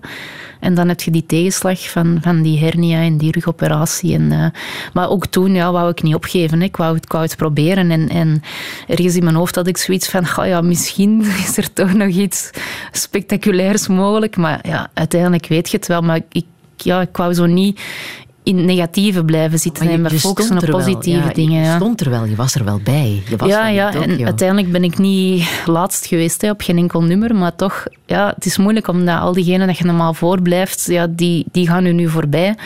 En, en je weet dat dat eh, niet komt doordat je niet de capaciteit hebt, maar ja, gewoon door de tegenslag en, en, en dan die, die operatie. Ja. Dus, eh, Ik heb veel geleerd uit die Netflix-documentaire over eh Paralympiërs, The Rising Phoenix. Maar er is echt wel heel veel onwetendheid. Hè. Bijvoorbeeld op welk niveau atleten het tegen elkaar opnemen. Voor jou bijvoorbeeld, hoe, hoe zit dat precies?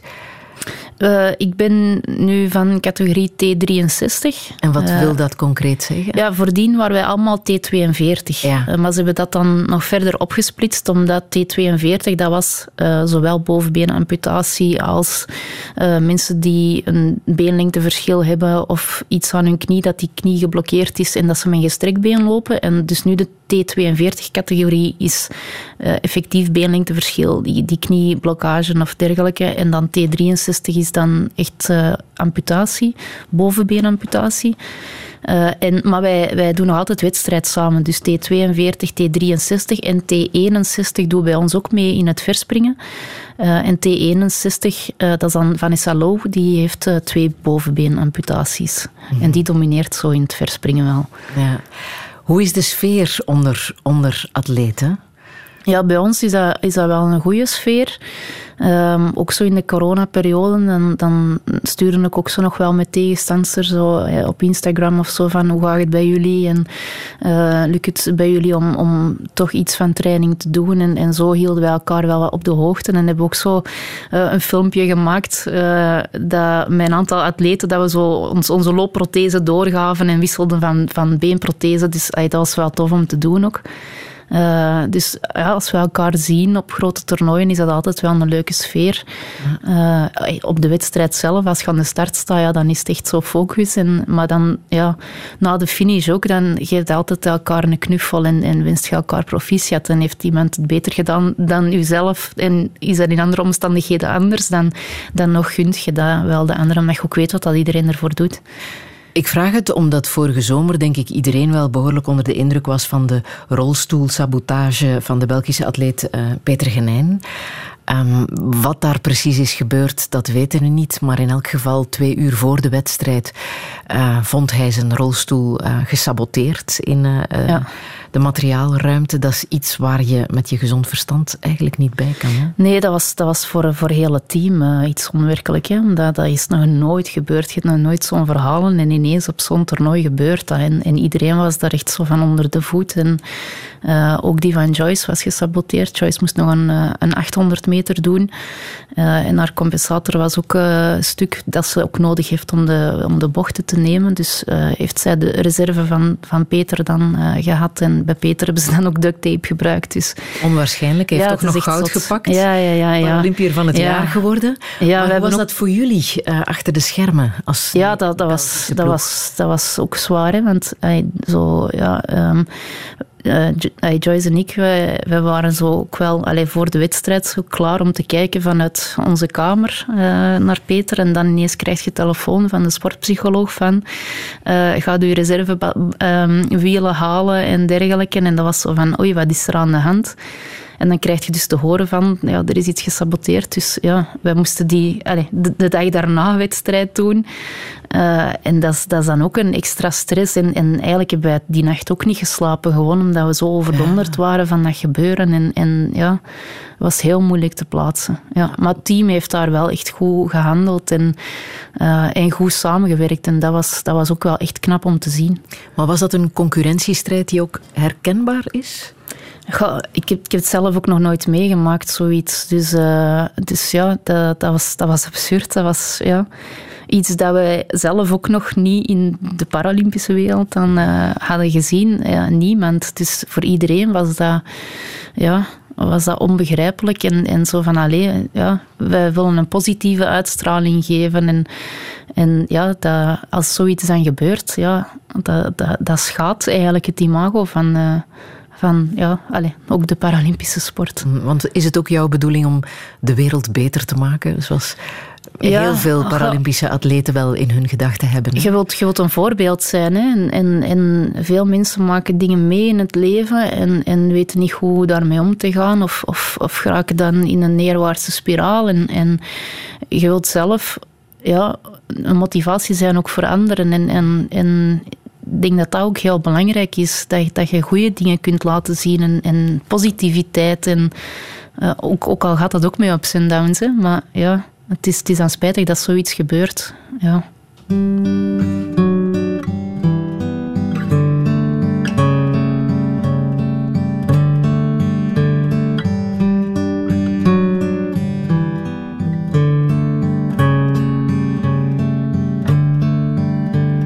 Sister, I know there have been times when you didn't think I was a very good friend.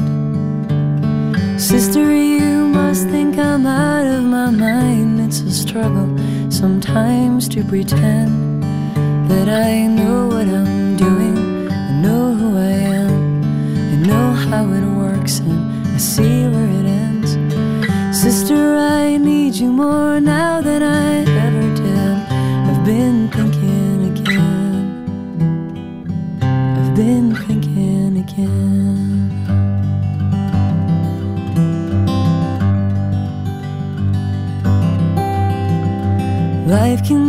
tricky and sneak up on you like a tiger looking for prey. And we've had our share of surprises, there must be a good one coming our way. Cause we're really all looking, really all lost. The less we expect, the smaller the cost. Sister, I miss you more now than I ever did. I've been again. I've been thinking again.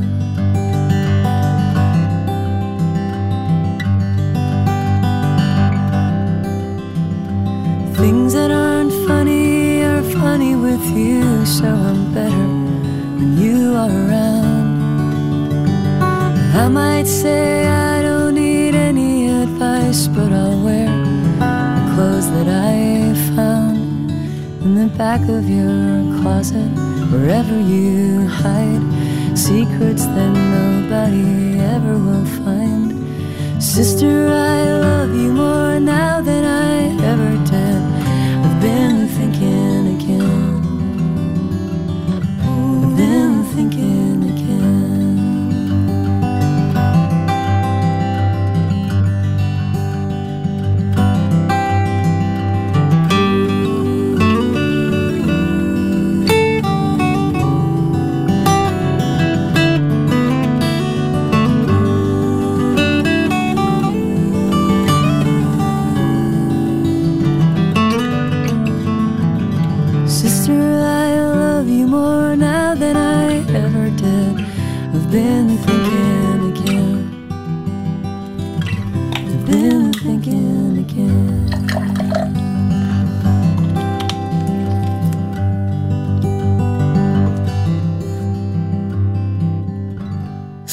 Met Sister Gitte Hana. Je vond het belangrijk om ook dit nummer te laten horen. Hè? Waarom precies?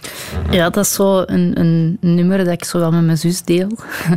Eh, mijn zus is vijf jaar en negen maand jonger dan ik. Eh, ik heb ook twee broers. En ehm, met drieën zijn wij al, kort op één geboren. Onze Maarten is van 85 februari. Ik ben van 86 maart. En onze zeger is van september 87. Eh, en dan, ja, mijn zus is van 91. Ehm, en ja, ik vond het altijd wel fijn als ik dan zo'n zusje kreeg. Zo'n beetje eh, waar ik mij kon over ontfermen en dingen samen doen. En van kleins af aan eh, ja, hing zij ook heel hard aan mij. En eh, ja, we hebben altijd wel een hele sterke band gehad. En met de scheiding van mijn ouders zijn we zoals gezien een beetje uiteengevallen. En is het zo, ja, een beetje verwaterd ook zo, eh, minder afspreken en zo. En dat vind ik wel spijtig, maar ik hoop dat dat ook wel, eh, wel terugkomt. Eh, en ja, mijn zus heeft ook al wel wat meegemaakt. In het vijfde middelbaar is zij heel ziek geworden. Ehm, en dat was een heel moeilijke periode. Ehm, we zijn ze toen ook bijna kwijt geweest. Dus, maar uiteindelijk ja, ook een vechter, die is, eh, die is er dan wel doorgekomen. Ze heeft dan ehm, vier maanden ook een stoma gehad. En, en dat was ook echt niet gemakkelijk. Ehm, En in het ziekenhuis had hij gezegd van ja, iemand moet dat kunnen verzorgen, want je hebt wel thuisverpleging, s morgens en s avonds, maar tussendoor kan er al eens iets uh, misgaan of, of loskomen en dan moet je dat ook kunnen verzorgen. En ja, dat, dat heb ik dan op mij genomen om dat te doen. Uh, en, en ja, heb ik de, de, zorg voor mijn zus die, die vier maanden ook uh, gedaan. En, en, dat was ook wel, wel hecht. En ik vond dat ook wel, wel belangrijk om dat te doen. Uh, ja, maar ze is er allez, wel goed, goed doorgekomen. En, Hoe gaat het er nu mee? Goed, ja. ja. Die heeft ook een relatie al een aantal jaren en, en dat gaat goed. En, um, ook, ook uh, haar werk uh, doet ze goed. Dus, dus uh, ja, is ze sportief? is ze zo sportief als jij? nee, nee, nee? nee, eigenlijk niet. vroeger heeft ze zo wel wat sporten meegedaan met mij. onder andere atletiek heeft ze ook zo gedaan. Maar als ze zo met de opwarming toertjes in het park van Capelle moesten lopen, dan verstopte zij zich altijd in de bosjes. en bij het laatste toertje, dan sloot ze zo terug aan. Uh, heeft ze ook nog een tijd meegedaan. Maar ja, dan was ze zo vaak aan het worstelen met nog uh, een jongensje dat iets jonger was dan haar. Maar ze heeft altijd wel geprobeerd. Maar uh, ja, dus de sportgenen had ze niet zo meegekregen. Mee maar uh, nu gaat ze ook wel rollerskaten en zo. En, ja, en ze, ze doet ook wel veel meer haar fiets. Dus, ja. Um, jij hebt een opleiding sportleerkracht gehad. In hoeverre heb jij die job kunnen, kunnen houden? Um, goh, ik uh, ben in 2008 afgestudeerd. In uh -huh. 2010 zijn dan uh, de problemen met mijn been begonnen. Dus ja, dat is, dat is eigenlijk heel kort. Um, en ja, in het begin is altijd interim zo. Hè. Als je zoals leerkracht uh, ja, in de wereld stapt, ja, ja. dan uh, is het zoeken naar interims en zo korte vervangingen. En, uh, dus, dus ik heb altijd wel interims gedaan. En ook na die eerste operatie, na die tweede, na die derde operatie, altijd terug interims gedaan. In 2013 heb ik nog een fulltime gedaan op Pito in Stabroek. Um, maar dan was het zo al vaak dat ik, dat ik s'avonds uh, met krukken thuis rondliep. Uh, in, in het weekend met een tweedehands rolstoel uh, uitstappen deed om mijn been te sparen. Om dan toch maar te kunnen gaan lesgeven. En dan september 2013, ja, dan, dan ging het echt niet meer. Mm. Dus, ja. En hoe zit het nu? Nu heb je een contract bij G-Sport Vlaanderen? Uh, nee, ik, ik heb een arbeidscontract gehad uh, ja. als, als uh, topsporter bij Sport Vlaanderen. En als Paralympisch atleet moet je WK-medailles halen om, om een contract te kunnen krijgen. 2019 had ik dan die WK-medailles, 2020 kreeg ik dan een contract. Maar um, met als vereiste een medaille in Tokio halen. Uh, wat dus niet gelukt, niet gelukt is. En uh, ja, het is eigenlijk ja, daarna geen verlenging gekregen. Ook niet een gesprek of zo. Of, of uh, ja, dat, dat ze zeggen van, ja, je hebt wel echt een heel zware blessure gehad. Misschien uh, geven we nog even respijt om terug op niveau te komen. Dat was dus, geen verzachtende nee, omstandigheid. dat was zwaar. Dat was echt zwaar. Dus, uh, dus ja, dan in januari ja, vacatures bekeken en dan um, zag ik dat er eigenlijk uh, bij Parantape Silos, dat is nu G-Sport Vlaanderen geworden, de federatie waaronder dat ik sport, dat er een vacature was voor G-Sportcoach in revalidatie. Ik dacht, oh ja, dat, dat, ligt me wel, denk ik. Uh, dus gesolliciteerd, ook sollicitatiegesprek gehad en dan uiteindelijk ook uh, de job gekregen. En wat houdt dat precies in? Ja, ik sta nu op maandag in AZ Sint-Jan in Brugge, werk ik. En op donderdag in Oostende. En uh, ja, dat is, dat is eigenlijk... Ik geef ook sport aan mensen in de revalidatie. Dus uh, ja, die, die ook een, een beperking hebben. Uh, en dan zoek je mee welke sport eventueel voor die mensen ja. goed ja. zou kunnen zijn. Ja, dat, ik doe zo intakegesprekken ook uh, voor als ze na hun revalidatie richting sport willen gaan. Uh, welke sport dat ze graag willen doen. Wat dat er bij hen in de buurt is van G-sportclubs of uh, valide clubs die ook wel mensen met een beperking um, opnemen. En, en dan probeer ik ze zo wegwijs te maken richting sport. Dat gaat niet zozeer over topsport, want recreatief sport is eigenlijk het hoofdpunt. Uh, maar als er erbij zijn die zo wel uh, ja, zo die vibe hebben of zo die dingen voor topsport te doen, dan, dan allez, worden, zorgen we wel dat die ook wel op de juiste plaats terechtkomen. Ja, en een goede job is wel belangrijk, denk ik, want uh, daar zijn wel wat kosten aan verbonden. Hè? Want hoeveel protheses en eh, materiaal heb jij nodig om je sport te kunnen beoefenen? Ja, het is, het is eh, ja, zo de loopprothesen en koker en dergelijke, dat kost inderdaad veel geld. En, en ehm, het moeilijke is, als je een beperking oploopt en je wilt aan sport doen, dat je dat materiaal nodig hebt. En eh, dat krijg je ook niet gewoon, of er is ook geen ondersteuning rond. Uh, dus moet je al zorgen voor uh, sponsoring of dergelijke. maar vaak willen ook sponsors eerst prestaties zien, dus dat is, dat is ook al moeilijk. En, ik had zo wel het geluk dat als ik in de revalidatie zat, dan kreeg ik een mail um, van VZ2 de Poekoeks. dat is een organisatie en die helpen kleinschalige goede doelen. En dus met de melding van we hebben uw verhaal gehoord en kunnen wij u mee iets helpen. En uh, ik dacht, ja, ik ga ik niet ineens vragen voor zoveel geld verdienen bleed. Ik ga gewoon een keer terugsturen van, misschien moeten we een keer afspreken en kunnen naar de revalidatie komen. Dat, dat ik kan vertellen wie dat ik ben en wat dat mijn doelen zijn. En die zijn dan effectief ook naar de revalidatie gekomen. En dan een gesprek gehad. Uh, en dan hebben zij uiteindelijk uh, wel geholpen met mijn blade. En mijn protheseteam heeft dan gezegd van we maken dan ook een, uh, een sportkoker. Uh, en zo ben ik kunnen starten. Ja, want concreet, hoeveel kost zoiets? De blade en de knie, dat is een 7000 euro. En dan zo'n sportkoker ook zo rond de 4000 euro. En dan heb je nog een liner nodig voor je stom te beschermen. En die liner heb je maar recht op één per jaar. Uh, maar voor het sporten heb je er drie, vier nodig op een jaar. En dat kost ook zo tussen de 7 en de 900 euro voor één liner. Dus, uh, ja. dus ja, dat is, dat is niet zo evident. En de wedstrijden zelf uh, ook. Ja. Als elite-atleet heb je ook wel ondersteuning van de federatie naar stage of een grote wedstrijd toe. Dus, dus, heb jij je huis moeten laten aanpassen? ja, 2016 als ik geamputeerd werd, dan, dan ja, was dat wel het plan om uh, mijn huis te laten aan, het huis dat ik toen had te laten aanpassen. Uh, maar dan, uh, ja, dan zat ik in de revalidatie en we zijn dan eigenlijk opgelicht geweest door de aannemer. Echt? Ja, ja. dus verschillende aannemers laten komen en, en offertes laten maken. En hadden niet de duurste genomen, niet de goedkoopste, maar echt zo'n persoon die ook bezig was van voor uw veiligheid moeten we ook daarop letten en dat doen en dat doen. En dus je dacht van oké, ja, die heeft het goed voor. Die wist ook dat mijn been geamputeerd moest worden. En dan uh, ja, uh, 30.000 euro voorschot. En heel de beneden uitgebroken, twee buitenmuren gesloopt, wat dan niet de bedoeling was. Want ja, daar moet ook een bouwvergunning voor hebben. als je binnen de muren blijft, is het oké. En, ja, en mijn ex-partner moest dan in de revalidatie komen zeggen van... ja, ons huis is onbewoonbaar en de aannemer heeft zijn schip afgekuist. En we kunnen niet naar huis. En toen?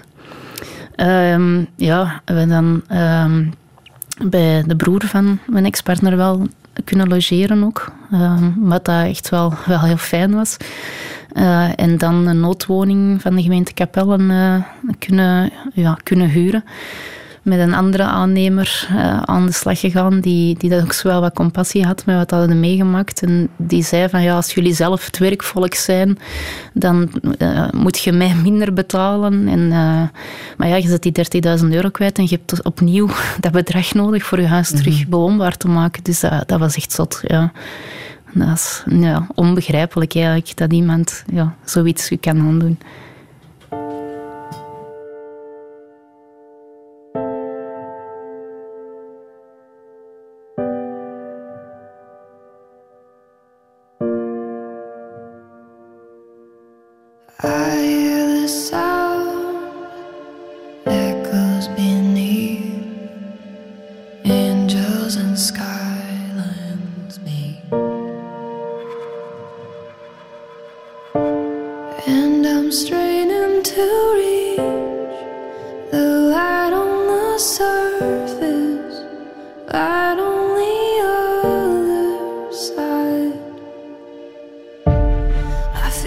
pages turning. I see the candle burn.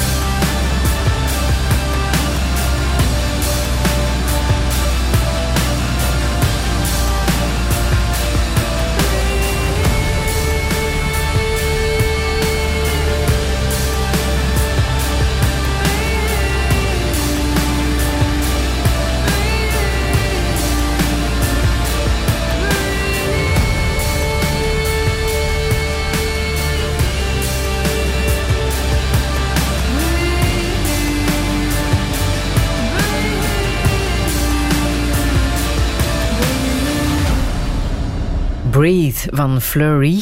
Uh, Gitte Hane, um, bijzonder nummer. Wat betekent het voor jou? Ik, vind dat, ik vind dat wel een chic nummer, zo ook die opbouw. Zo, en, dan zo, en die beat dat er dan zo bij komt. Uh, ik kan zo echt wel genieten van muziek. En, en ja, ook deze nummer, dat, geeft zo'n speciale vibe. Uh, ja, en ook ja, muziek heb je zo ja, in allerlei vormen en, en ook voor allerlei gevoelens dan dat je zo minder goed voelt. Of, of, of ook soms ja, dat je een nummer opzet dat dat zo meer ophebt. Maar ik kan dat ook zo hebben als ik uh, op training, uh, bijvoorbeeld met verspringen, uh, dat ik zo de dingen te veel overdenk. Uh, en, en dat het er dan niet uitkomt, omdat ik te veel gefocust ben op wat dat ik moet doen en dat dat dan niet goed lukt. En dan weet ik dat als ik mij dan even opzij zit en dan zo uh, mijn oortjes insteek en dan ja, een playlist opzet, dat ik er zo uitgehaald kan worden. Allee, dat lukt niet altijd, maar wel allee, meer een deel van de tijd. En, en ja, dat zo even uh, ja, een, een, andere vibe en, en ja, uit dat overdenken en, en weer vooruit. Jouw levensmotto heeft daar ook mee te maken. Hè? Hoe klinkt dat precies? Ja, dat is uh, when life punches you, punch back harder. Wat betekent het voor jou? Ja, dat, soms gebeuren er dingen in het leven dat je geen controle over hebt. Of ja, dat je wou dat dat niet zou gebeuren en, en, en die heel zwaar zijn. En uh, ja, dan heb je de keuze om ofwel in je bed te blijven liggen en niks niet meer te doen, of te proberen focussen op wat dat er wel nog kan en, en wat er wel nog is. En ook de personen rondom je. En, en dat probeer ik altijd wel te doen. En ja, dat gaat ook met ups en downs. En de, de ene dag uh, lukt dat beter dan de andere. Maar ja, probeer er altijd ja, de, daarover te geraken en, en, en te kijken naar, naar allez, zo de, de, vrienden dat ik heb en dat dat belangrijk is. En, en ook andere zaken dat ik meemaak in het leven die dan mooi zijn. En, en ik hou ook van uitdagingen. Dat, idee zit ook in, in de tekst die je hebt meegebracht. Hè? Een tekst van uh, Frans de Wilde. De Krekel heet het. Ja, ja, ja. Wil je het eens lezen? ja. De kleine krekel in het zomergras zingt ongestoord en zonder zorgen om de verre dag van morgen. Ik wilde dat ik was als de kleine krekel in het zomergras. Wat hoor jij daarin, in deze tekst? Oh ja, soms dan, dan kan alles zoveel te zwaar zijn en te druk zijn. En, en dan, dan zou je zo een keer willen van even je hoofd leegmaken en relax. En, uh, en, ja, en ik denk dat dat een gegeven is waar veel mensen deze tijd wel mee zitten. En uh, ja, dan vind ik dat deze tekst zo wel toepasselijk is. Maar dan helpt bij jou literatuur. Ja, ja, ook wel, ja. Maar het is... Uh, mijn moeder had vroeger een schriftje waar dat zij teksten in opschreef, uh, die dat zij mooi vond en belangrijk vond. En met ik zelf al op jonge leeftijd zo ook mee, met gedichten schrijven en zo bezig was, had ze mij dat doorgegeven. En het is daardoor dat ik uh, onder andere Luc Meilly heb leren kennen en Frans de Wilde, dat is pseudoniem voor Eugène Gilliams. Mm dat zijn eigenlijk al ja, uh, mensen uh, van begin jaren 1900. Ja, ja, ja. ja. Uh, en, en Luc Meilly is tien jaar voordat ik geboren ben overleden, op 17-jarige leeftijd. dus, dus ja, dat was ook eigenlijk een, een jonge dichter en iemand die ja, belangrijke zaken aankaarten ook. en dat vind ik ook wel, wel speciaal. En, en, ja, maar je schrijft dus zelf ook poëzie? Ik heb dat heel lang gedaan. Ja? Ik denk van mijn twaalf jaar eigenlijk al. Uh, en um, ja, ik doe dat al heel lang niet meer. dus ik heb uh, ook, uh, als ik in het vijfde middelbaar zat, uh, een cursus verhalen schrijven gevolgd -hmm. bij Marita de Sterk. En dat was eigenlijk naar aanleiding van een leerkracht Nederlands die zei van hey Gitten, die cursus is in Berchem, dat is misschien wel iets voor u. Dus ging ik op zaterdag buiten de schooluren van s morgens tot vijf uur in de namiddag speciaal naar Berchem om dus extra te leren eigenlijk. En ja, dat was, dat was heel interessant en heel, heel tof om te doen. Ja. Ja. En iets dat jou uh, helpt om uh, tegen elke dag aan te kunnen. In hoeverre uh, helpt de liefde bij jou? Eh, enorm. Ja. ja, eh, ja ik, heb, ik heb nu sinds twee jaar een, een nieuwe relatie. En eh, ja, ook zo ja, zorgen voor, dat gaat in twee richtingen. En, en ja, dat is, dat is ja, iemand dat supportert van op de eerste rij. Dus dat is, dat is echt wel heel, heel waardevol. En ook iemand dat aan sport doet. Dus het is fijn om ook zo samen te sporten en, en op reis te gaan en, en actieve dingen samen te doen. En iemand met een heel grote muziekkennis en een heel eh, ruime cd-collectie. De meeste mensen denken van, eh, wie koopt er nog cd's? Ja, mijn lief koopt nog cd's. maar dat is ook wel fijn, ja. Je bent plusmama geweest, acht jaar lang. Ja. Daar heb je afscheid van moeten nemen. Ja, ja dat is eh, voor mij wel het zwaarste dat ik eigenlijk al heb meegemaakt. Ehm, ja, dat is... Ja, je hebt, je, hebt, je hebt kinderen en, die zijn biologisch niet van u. eh, maar toch, voor mij ja, voelde het alsof ze ook mijn kinderen waren. Omdat ja, ik deed er ook alles, alles voor. eh, eh, ook met huiswerk meehelpen, begeleiden. En de, de jongsten hadden het vaak wel moeilijker qua huiswerk.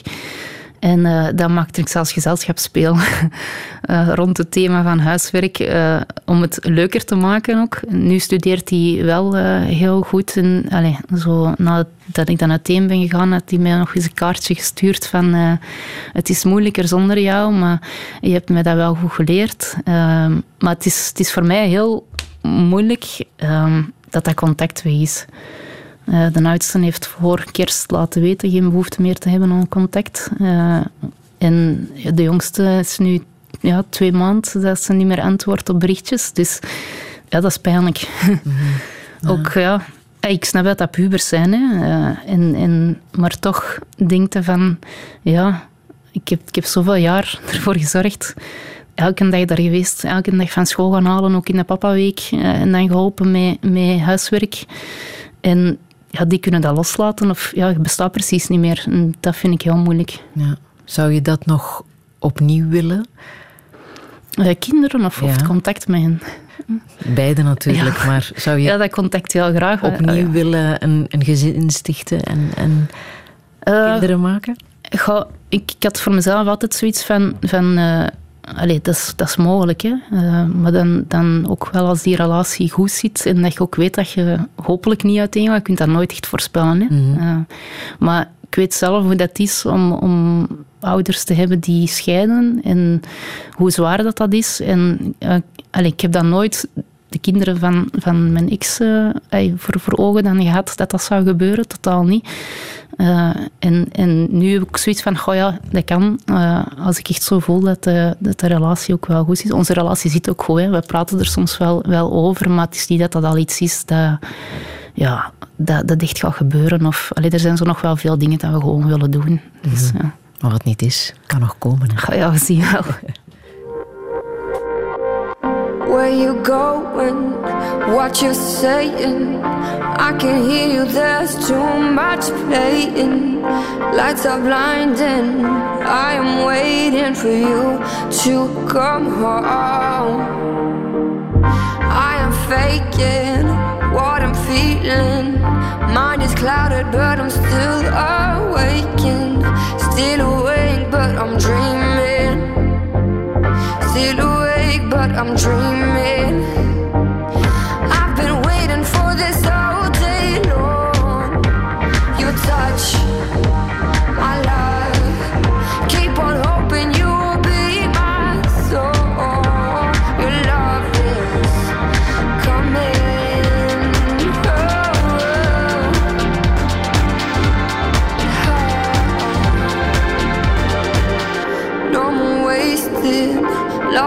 Embrace it. Touch to touch in the red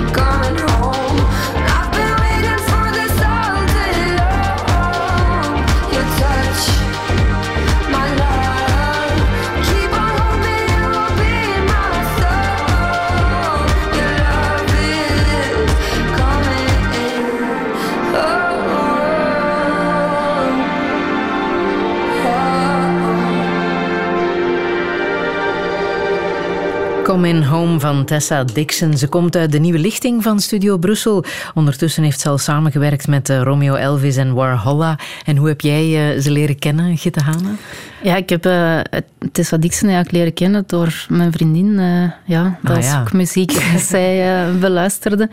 En, en dat was ook nu het eerste concert na corona waar ik naartoe ben geweest. Doordat ik tickets had gekregen van mijn vriendin en uh, in de AB was dan het optreden. Dat was echt wel uh, heel chic. Ja. Ben je een concertganger? Ja, jawel. Eigenlijk uh, de, de laatste tijd wel meer. Ik denk misschien dat corona er ook wel mee te maken heeft. Dat als je zo ziet van oh, die groep treedt op van ik bestel tickets. Uh, ja, zo uh, ja, gaan we binnenkort van de zomer nog naar Rai X. Dat is een concert dat uitgesteld is dat normaal in maart was. Naar Tash Sultana gaan we ook nog in oktober naar Years and Years. Dan Sophie and the Giants staan nog op het programma. Hyphen, hyphen. Uh, ja, het, is, het, is, het is, zijn nog wel wat, wat concerten uh, in de aanloop. En uh, onlangs ook naar Eefje de Visser geweest, wat dat ook wel een heel tof concert was in Gent. Dus ja. Je bent 36 ondertussen, hè? Ja, ja. Wat zou je echt nog willen in het leven? Oh ja, allee, hoe dat, dat nu loopt in het leven, ben ik wel uh, heel tevreden. Allee, ook mijn, mijn relatie zit goed en dat ze samen genieten. En in de sport gaat het ook weer terug de goede richting uit. dus ik hoop daar nog vooral een goede prestatie neer te kunnen zetten. ja, die, die periode dat ik dat nog ga kunnen doen, gaat ook niet meer zo lang zijn. Uh, dus ik hoop vooral ook daar dat ik, dat ik echt zo met uh, alles een beetje in één kan vallen. Dat ik fysiek goed ben, dat persoonlijk vlak allemaal mee zit. Uh, en, en ja, dat er dan nog een goede prestatie uitkomt. En verder, ja, gewoon dat, dat ik nog wat uitstapjes kan doen, nog wat kan Mhm. reizen en, en genieten van, van hoe dat de dingen nu gaan. Het is een heel rare vraag, maar zou jij je been nog terug willen, gesteld dat het gezond is? Goh, moest het gezond zijn? Ja, graag. het is, het is uh, ja, ja, er zijn wel zaken dat je, dat, dat je mist, hè, dat je niet meer kunt doen door dat been. En, mm. en het is ook altijd, uh, als je op reis gaat of zo, uh, is dat een extra stress dat erbij komt kijken. In september zijn we naar Cyprus geweest. en ja, ik heb nu een elektronische knie uh, om mee te wandelen, maar die is niet waterbestendig. Dus ik moet dan ook al denken van, ah, stel dat we een watersport doen, moet ik mijn mechanische knie die waterbestendig is meenemen. Um, ik heb eigenlijk uh, een val gedaan toen we nog maar drie dagen in Cyprus waren. Uh, als ik s'avonds ja, met mijn krukken richting de slaapkamer ging, was het ja, een marmeren vloer. En mijn kruk schoof weg en recht op mijn stomp op die vloer gevallen. En ja, dan is dat een rampscenario. Hè? Want, mm. want je wilt niet een ballast zijn of dat door u de reis moet stoppen of dergelijke. Maar ja, allez, mijn lief kan dingen goed relativeren en, en dat gevoel van mij van ballast te zijn of, of dat er door mij zaken niet kunnen wegnemen en gewoon te zeggen, kan ik morgen ook met een voet omslagen. Hè? Dus, dus ja, daar moet het niet mee inzitten. En we hebben dan een dag rust genomen. Hij is ook direct zo naar eh, een winkeltje achter de hoek gegaan, ijs gaan halen. En, uh, dus een dag rust en, en dan ging het ook wel terug beter. En dan zijn we ook gaan windsurfen en nog uitstapjes gedaan. Maar het is, het is altijd wel met... Ja, een extra, extra zorg. voorzorg ja. van we moeten, moeten zien dat dat in orde is, dat we dat mee hebben. En, ja. ja. De volgende Olympische Spelen zijn 2024 in Parijs. Ja. Wat ja. zal het worden? Is het met Gitte Hanen? Uh, goh. Uh, ja, het is niet meer zo ver. Hè. En, en wij ik... kunnen komen supporteren. Hè? ja, ja, ja. Het is niet zo ja. ver. Nee, ik weet het. Ja, het zijn veel mensen dat zeggen. Hè. Maar ja, ik ben er 36. Uh, veel mensen zeggen, oh, dat is nog jong. Maar in de sport is dat toch al uh, een zekere Limiet, leeftijd. Ja. en, en ja, ik ben ook maar op mijn 30 kunnen beginnen, Paralympisch dan. Um, ik heb ik heb uh, ja, de ziekte van Bechterew ook, dat is reuma. En ja, dan moet ik ook wel mijn rekening houden dat ja, als mijn lijf het volhoudt, dan, dan zou ik nog wel graag verder doen. Uh, maar uh, ja, het is ook de bedoeling dat ik ook na mijn sportcarrière nog een actief leven kan hebben.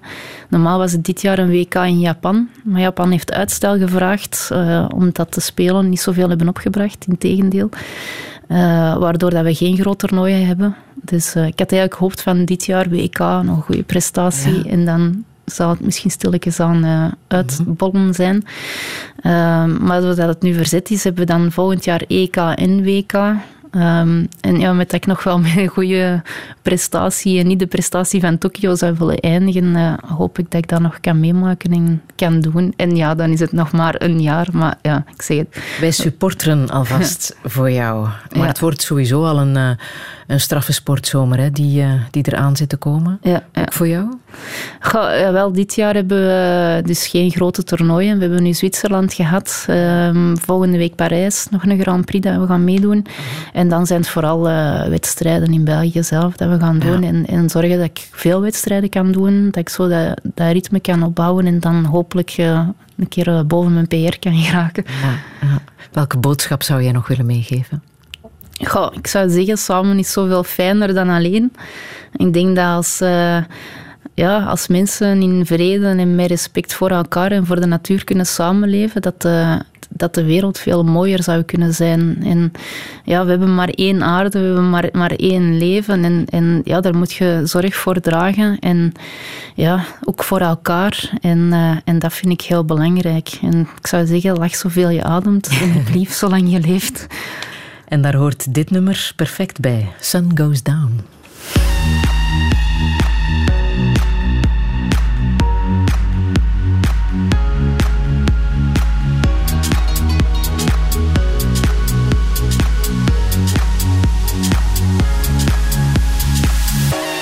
Nothing's ever what we expect, but they keep asking where we're going next.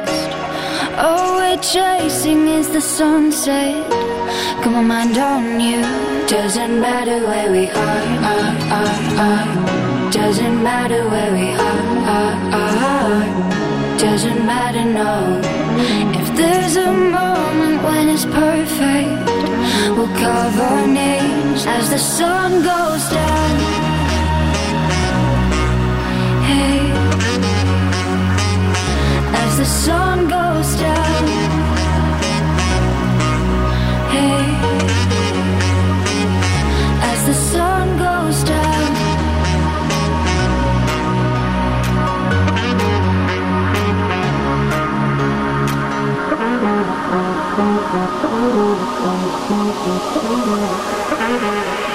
As the sun goes down.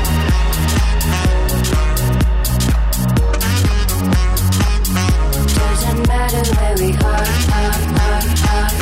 Doesn't matter where we are, are, are. Doesn't matter, no.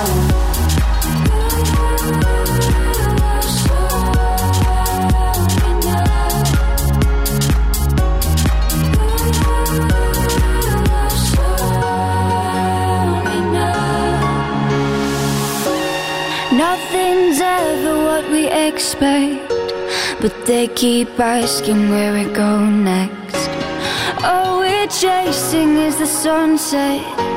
Got my mind on you. Doesn't matter where we are, are, are, are. Doesn't matter where we are, are, are. Doesn't matter, no. If there's a moment when it's perfect, we'll carve our names as the sun goes down.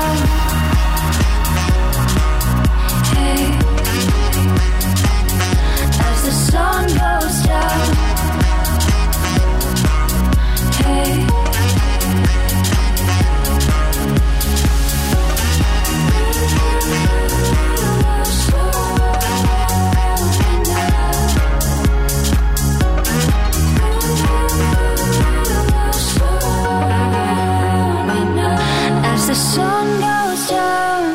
Robin Schulz en Sun Goes Down. Dankjewel, Gitte Hane, voor eh, alle muzieksuggesties en jouw verhaal om dat met ons eh, te delen. Alle info Gedaan. staat ook na te lezen op onze website radio1.be.